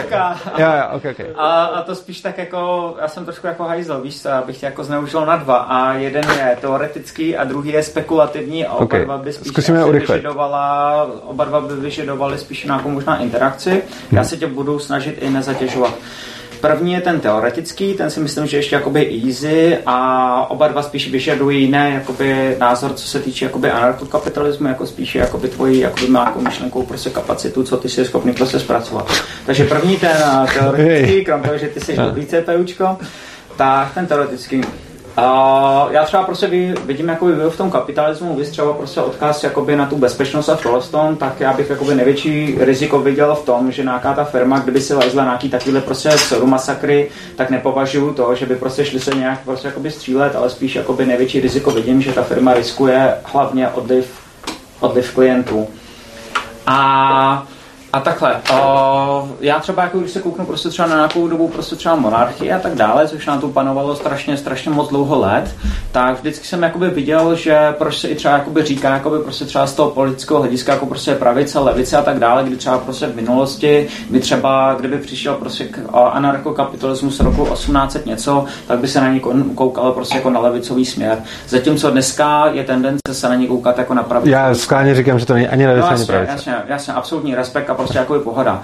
Vidím tam je jistý prostě jako parály, tak jako prostě podobnosti, kdy, kdy mě aspoň jakoby můžu se mílit, ale připadá mi, že jakoby ta monarchie na sebe spíše kouká jakoby z anarchokapitalistického hlediska, spíše jakoby blíže, ne úplně, ale spíše jakoby naklání se nějakou tou škálou. Právě z toho důvodu, kdy... Ta Myslíš než demokracie? Co, co? Myslíš víc, jako ty jsi řekl, že ta monarchie na sebe kouká víc anarchokapitalistického hlediska a víc než demokracie, nebo? Mohlo by být, to jsem sice neřekl, ale mohlo by být, jakoby spíše více, ale neřekl jsem než ten konkrétní jakoby celek, jo. Ale může být, můžeme to tam prostě... Ale prostě, já bych asi potřeboval možná, aby si se šel nějak blíž k té otázce, je to strašně složitý, zapeklitý a já už se to začal ztrácet. Celkem jednoduše, protože třeba monarchie na sebe koukala jakoby na tu posvátnou nebo šlechtickou prostě krev, která byla, prostě byla nadsazená společnosti, což znamenalo to, že oni, oni jakoby přeuvažovali a alespoň na to tak jako vnímám, uvažovali a přemýšleli spíše více kapitálně, než třeba naše, třeba můžeme říct, jako když to použijeme, jako by tu protichůdnou Jo, takhle, chceš tím říct, jo, no tak to je, o tom, o tom psal Hope a ačkoliv s Hopem se v některých věcích neschodnu, tak tohle tom zrovna v zásadě jako ano, on měl pravdu, že prostě ty monarchové s tou eh, zemí jako zacházeli co by s kapitálovým statkem lépe než demokratický politici, protože k tomu měli ty incentivy, protože věděli, že to jednak budou mít celý život a pak to budou předávat ještě dál své rodině. takže si tu zemi nechtěli jako zlikvidovat, zatímco politici volení na čtyři roky, tak těm je to jedno, že? Takže jako ano, ale pozor, ten anarchokapitalismus má ty dvě jako jako základní jako směry, z kterých je syntetizován. A to je teda ta rakouská ekonomická škola a pak ten anarchoindividualismus. A co se týče té tý monarchie, tak ona z pohledu ekonomiky, jako z ekonomického pohledu, incentiva panovníka, který je doživotním vladařem, udržet tu, jako ji úplně nesplundrovat, je samozřejmě vyšší než incentiva politika, který je jako čtyři roky politikem ze všech jako pohledů. Na druhou stranu ty monarchie ale pokulhávaly v té jako individuální svobodě jednotlivce, to se neříkám jak který, jo? no prostě a jak v který svobodě. Třeba ani, jakože často se Rakousko-Uhersko bere jako strašný vzor nesvobody, ale ono to zdaleka nebylo, jakože za Rakouska Uherska jako samozřejmě tam byly, jako byly porušeny jiný práva lidí, než jsou teď. Ku příkladu třeba jenom nadávat na panovníka byl velký problém. Dneska si člověk může jít nadávat na, na politiky, jak chce, tehdy to nešlo. Ale zase na druhou stranu dneska jsou úplně neuvěřitelně regulované zbraně, a tehdy zdaleka tolik nebyly, jakože to, to se tomu vůbec ne, nepřibližovalo. Jo. Takže ta doba byla jako v něčem svobodnější, v něčem méně svobodná a obecně... Co? V 14. století byly v Čechách regulovaný muž, nějaký jako střelný zbraně. A to vznikly někde v nějakém 12. typální, ne? nějaký takový rok byla první jo. česká regulace Aha, jo. zbraní. To jo, ale potom, jako když se, jako samozřejmě regulace ano, já jsem ne, právě taky jsem schválně neřekl... Nesměli mít jo. žádný jako to, je to nějak... Takhle, já jsem taky neřekl, že nebyly vůbec regulovaný, ale rozhodně za Rakouska Uherska byly zbraně jako oproti současnému stavu byly daleko, ty regulace daleko volnější. Jako. mít nikdo jiný než šlechta, že jako to byla podstata té regulace nebo něco takového. No ale te, za to Rakouska Uherska ne, tam za Rakouska Uherska mohli mít zbraně prakticky všichni. Já si nejsem, to platilo. Ale jo, jo, no, jasně. Jak ono, tehdy, když třeba vznikly kuše, tak byla regulace na kuše, protože rytíři zjistili, oni si tam jezdili v těch zbrojích, že jo, tak ty, co na to měli, ty šlechtici se oblíkli tu zbroj a tak tam jezdili na těma koněma a prostě pobíjeli ty, ty uh, sedláky, který za prvý jim nemohli tu zbroj pořádně něčím prorazit a lukostřelci jim to taky nemohli prorazit, protože tehdejší prostě zbroj byla dost tvrdá na to, aby šíp z luku prostě uh, jako po ní sklouznul. Ale ale když... Jo, jo, jenom, tak já dokončím. Jo, promiň. Eh, no a když potom udělali kuše, že jo, který dokázali prostředit to brnění, tak oni řekli, že to je zbraň z babělců a prostě zakázali, že to stejně se na to všichni vykašlali a stejně se to dá používal. Uh, jo, a tak ta... Uh, jo, takže, takže... No chtěl jsem říct, že každá demokracie, monarchie je jakoby jiná a nejde uh, obecně říct, že něco z toho je jako svobodnější a něco z toho je méně svobodný. Osobně si myslím ale, že společenská dynamika eh, demokracie je, že bude směřovat k socialismu v čase a společenská dynamika monarchie bude úplně náhodná. Což znamená, že jako když vezmu demokracii a když vezmu monarchii, jako v teorii her, a nechám to plynout, tak u demokracie jsem si prakticky jist, že skončí v socialismu a u monarchie to bude podle toho, jak se zrovna narodí jaký vládce. Takže pořád ten random v případě monarchie asi zajistí nějaký možná lepší výsledky, než, t, než ten jako trend, který je vbudovaný do té demokracie, ale rozhodně to nemůžu říct jako obecně o každý monarchii a každý demokracie a určitě bychom našli i monarchie, které jsou mnohem nesvobodnější než demokracie a určitě naopak taky. Jo, určitě perfektní. Mně spíše šlo, šlo jakoby nějakým způsobem jakoby prostě rozepřít to téma hlavně nad základní otázkou, kdy, kdy mi prostě, protože já třeba jako kapitalismus vidím jako víceméně prostě hlavně jako lidský. Zkus položit tu otázku spíš. S tím, že hnedka se k tomu dostanu. A s tím, že prostě jakoby vím, že jako prostě monarchové byli schopni prostě jakoby jednat více jako prostě třeba například kapitalisté, ale za cenu toho, že třeba prostě jakoby pokud jako daná osoba prostě nebyla šlechtic, tak prostě s ním nakládali prostě jako komoditou, která nevlastnila sama sebe. Tím, tím vlastně jakoby celkový kapitalismus jakoby i třeba tím principem neagrese nebo tím, že třeba takový to libertánský, že ten daný účastník prostě se narodí a vlastní sám sebe, tak je pořád takový trošku jako prostě revoluční výdobytek, když to jako takhle trošku jako zvládnu. No. Takže moje, moje takový jakoby hlavní je takový způsob jako prostě uznání, že ekonomicky je to spíš jakoby otázka prostě ekonomická, takže asi ty uznáš jakoby za pravdu, že ty, i když vezmeš prostě jakoby třeba prostě otroka a najednou mu dáš jakoby svobodnou vůli, takže ekonomicky prostě třeba pravděpodobný to, že i do budoucna jakožto možnost jakoby nějaký investice, to může být mnohem výhodnější investice, než když ho prostě třeba budeš kontrolně a řízeně řídit, říkat mu, no. sbírej prostě brambory, oproti tomu, kdy ty ho prostě necháš se vyvíjet. Jako a... asi záleží taky jak pro koho a tak dále, ale jako samozřejmě se ukazuje, jako ukázalo se, že zrušení otrokářství, u kterého se předpokládalo, že to bude ekonomická katastrofa, tak ve skutečnosti přineslo ekonomický zisk a prosperitu. Což znamená, že bráno takhle, tak ano, ale samozřejmě to neznamená, že v každém konkrétním případě to tak je. Já když budu mít 10 otroků, který mě budou živit a já nebudu dělat nic a oni mi budou dávat všechno, co jako potřebuju a chci a já už nebudu mít žádný další potřeby, tak pro mě není žádný jako ekonomický důvod to měnit, jiný než etický, ale pochopitelně globálně, čili jako můžou existovat jako případy, ale globálně i ekonomicky je eh, z makra třeba, z makroekonomie. No z makroekonomie je určitě lepší mít, jako, já teda nemám rád makro z mnoha no, důvodů, a, a, jako když se na to také podíváme, tak ano, z makra je lepší mít. Když bych to řekl jinak, abych to vynechal mat, makro. Eh, když máš eh, počítačovou hru, která má hrozně dobrou simulaci společnosti a chceš si budovat svoje království, tak ten hráč, který si tam udělá uh, otroky, když to bude fakt věrná simulace, bude prohrávat oproti hráči, který si tam udělá svobodný lidi prostě. Hej, perfektní. Tak, tak to jsem získal odpověď na, na první otázku. Když to bude simulace. tak a teď, teď rychle, aby se mohli... No. no jasně. A ta druhá je, uh, to je hodně osobní, protože já teď jako mám prostě rozepsanou knížku, kde, kde, kde, kde stavím do rozporu dvě společnosti, ne extrém prostě totalitní a samozřejmě prostě žiju, žiju jako, je to spekulativní otázka a tam můžeš jako pustit úplně maximálně prostě jako fantazii. A, takže dvě společnosti, která první žije jakoby tvrdě kapitálně, vlastně všechno dodržuje a je tam například prostě několik, několik svobodných, prostě několik firm, který prostě jezdí armádu a brání se, nevedou válku, protože oni se musí bránit, nemají jakoby prostě agresory, když samozřejmě to jsou nějaký prostě bla, bla, bla, bla. A druhá společnost je jako tvrdě, tvrdě, tvrdě dá se říct, z našeho hlediska jakoby socialistická. Mm-hmm. A teď mě napadlo, jako třeba, jak by si to představil? No já si myslím, že jakože pokud je o konflikt těch dvou zemí, tak já si myslím, a to je něco, co my, jako, co jsem říkal třeba i ve své přednášce o armádě, já si myslím, že pokud bychom vzali jako výchozí bod, že máme úplně stejný zdroje, a zase se na tím můžeme zamyslet jako třeba na nějakou počítačovou hrou, a e, měli bychom úplně stejný zdroje jako v té zemi, a byl by fakt ekonomicky stejně bohatý, tak si myslím, že ta země, která bude mít centralizovanou armádu, válku vyhraje.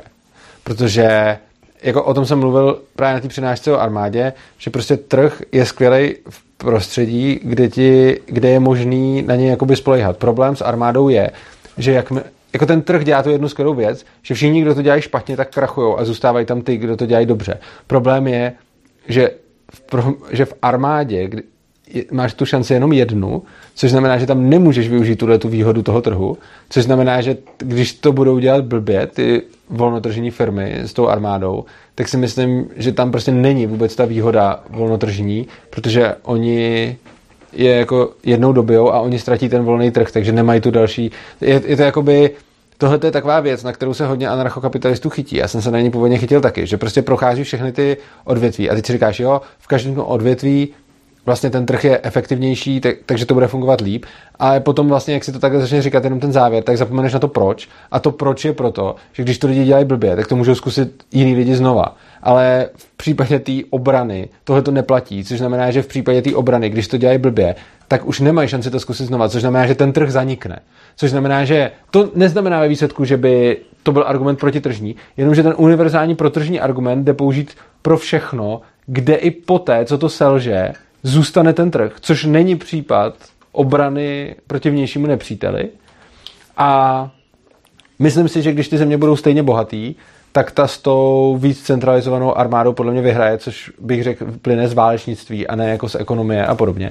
Na druhou stranu, eh, myslím si, že tenhle ten příklad jakoby neříká, že anarchokapitalismus je naprd. On jenom říká, že eh, v tomhle příkladu by to tak bylo, ale ona zase ta anarchie bude efe- ekonomicky mnohem efektivnější, což znamená, že ty země nebudou nikdy jako, jako nebudou mít příklad, kde máme dva, to bude mít z té hře, že jo, když tam jsou a teď začínají na stejný jako úrovni. Ale za normálních okolností je stejně nějaká země jako větší a nějaká menší a nějaká bohatá a nějaká méně bohatá. A kdyby třeba teď válčila Česká republika se Spojenými státama, tak je úplně jedno, která z těch bude anarchistická, která bude totalitní a tak. A vždycky vyhrajou ty Spojené státy a ta Česká republika nikdy nebude jako mít šanci. A jako když bychom tam měli stejný počet lidí, zdrojů, peněz a tak.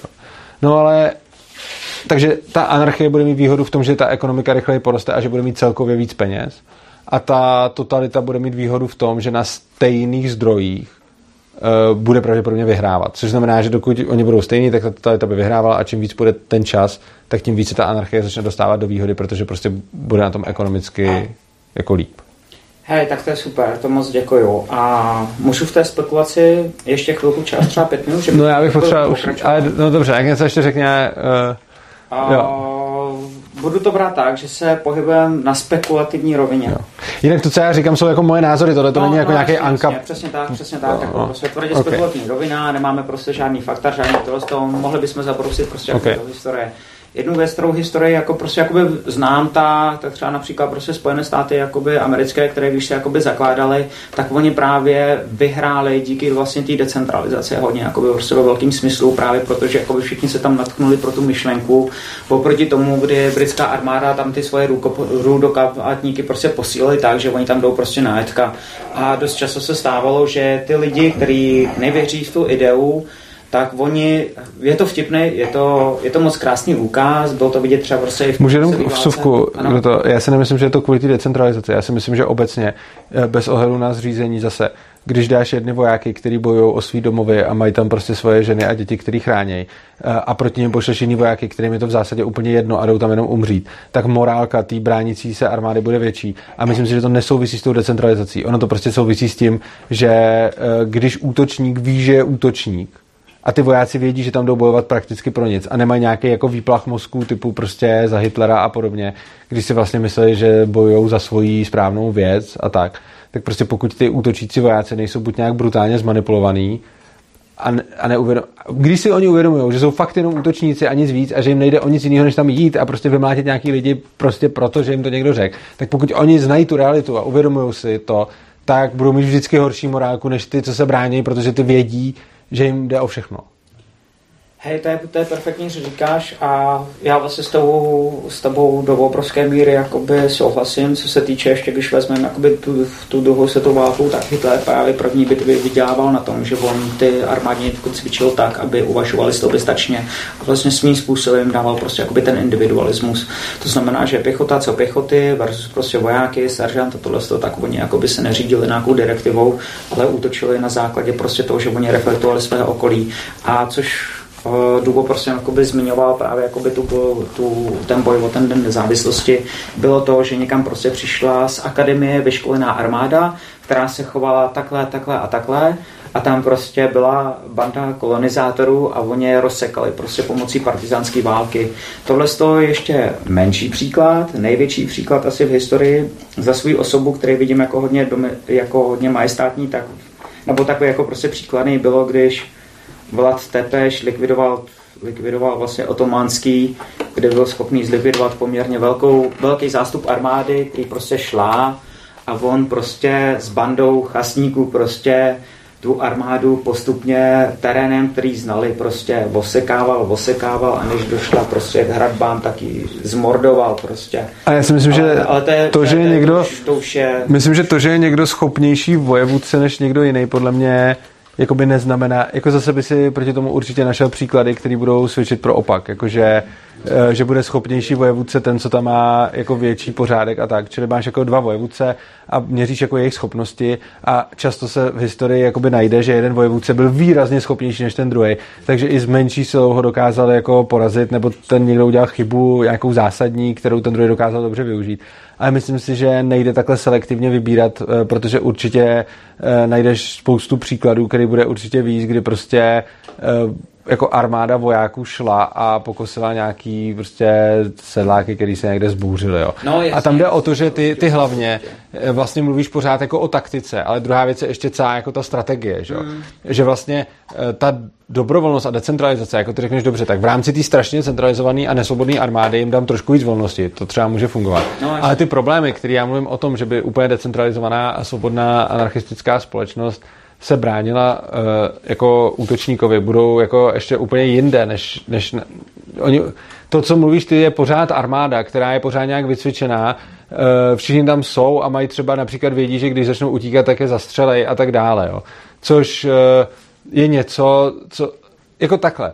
Co se týče té tý obrany, tak to je jiná věc. Ale ta obrana pořád ještě, a zase, když se bránili dřív, tak ono to šlo ještě mnohem líp. Se, jakože čím je novější doba a, věč, a lepší vojenská technika, tím větší má výhodu uh, jako cvičený voják s technikou proti nějakému prostě civilistovi. Takže jako dřív, když byl jako rytíř na koni ve zbroji a proti němu byli jako vidláci, tak ty vidláci jako nepotřebovali takovou převahu, aby ho sejmuli, oproti tomu, když máš dneska armádu, která jede prostě v tancích a když máš prostě jako několik jako tanků, tak oni prostě můžou jet a v zásadě v celkem malých jako počtech můžou zabít jako tisíce civilistů a ty civilisti s tím jako nic neudělají, protože ne, neví nic. Oproti tomu, když dřív si měl takovýhle počet jako rytířů na koních, tak oni nedokázali zabít tolik vidláků prostě. A je to proto, že ty vojáci mají pořád lepší techniku. Takže ty potom se budeš u té svobodné společnosti střetávat s tím, že u té totality oni prostě fakt direktivně nařídí, tak a teď jde prostě 50% nebo 70% zdrojů do armády a za to postavíme tanky a ta svobodná společnost ty lidi řeknou, někdo si třeba řekne, já na to úplně kašlu, já uteču, někdo si řekne, já prostě to nevidím jako prioritu, někdo tam dá 5% a takhle. A nakonec budeš mít jako vlastně míň v té armádě a teď nebudeš mít, a teď než se vůbec dohodnou, oproti tomu na té druhé straně dají jako jasný rozkazy, tohle budeš vyrábět a všichni to budete vyrábět a kdo to nebude vyrábět, dostane kulku a bude to vyrábět někdo, kdo ho zastoupí, tak v té svobodné společnosti, než se tohle to zorganizuje, tak má jako obrovskou nevýhodu. Samozřejmě jiná věc je, že tohle to, je, to platí, když zapomínáme na tu dynamiku, a když na tu dynamiku nezapomínáme, tak ona ta situace nějak nastává. Což znamená, že když svobodná společnost vidí, že soused zbrojí, tak oni taky asi nebudou úplně jako jenom čekat, než na ně No, vlítneš, jasně no. Jak to je a... tak zásadní. Kill rate rytíř versus sedlák je tak 10, dneska to máš tak kolem 40, takže to je šestkrát efektivnější, což neměl řád. No, asi no. záleží na...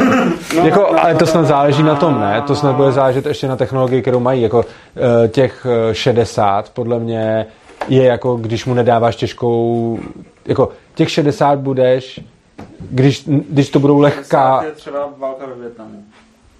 Kde máš no, na jedné straně prostě no, bydláka, co žere No ale válka ve Větnamu pořád ještě není dneska, že jo? No, Kdyby dneska byla válka ve Větnamu... Dneska máš Afganistán. Nevím, nevím přesně, jaký jsou... Jo, ale jde o to, že tam, tam jde o to, že v ten Afganistán, oni taky záleží, jaký máš cíle, že jo?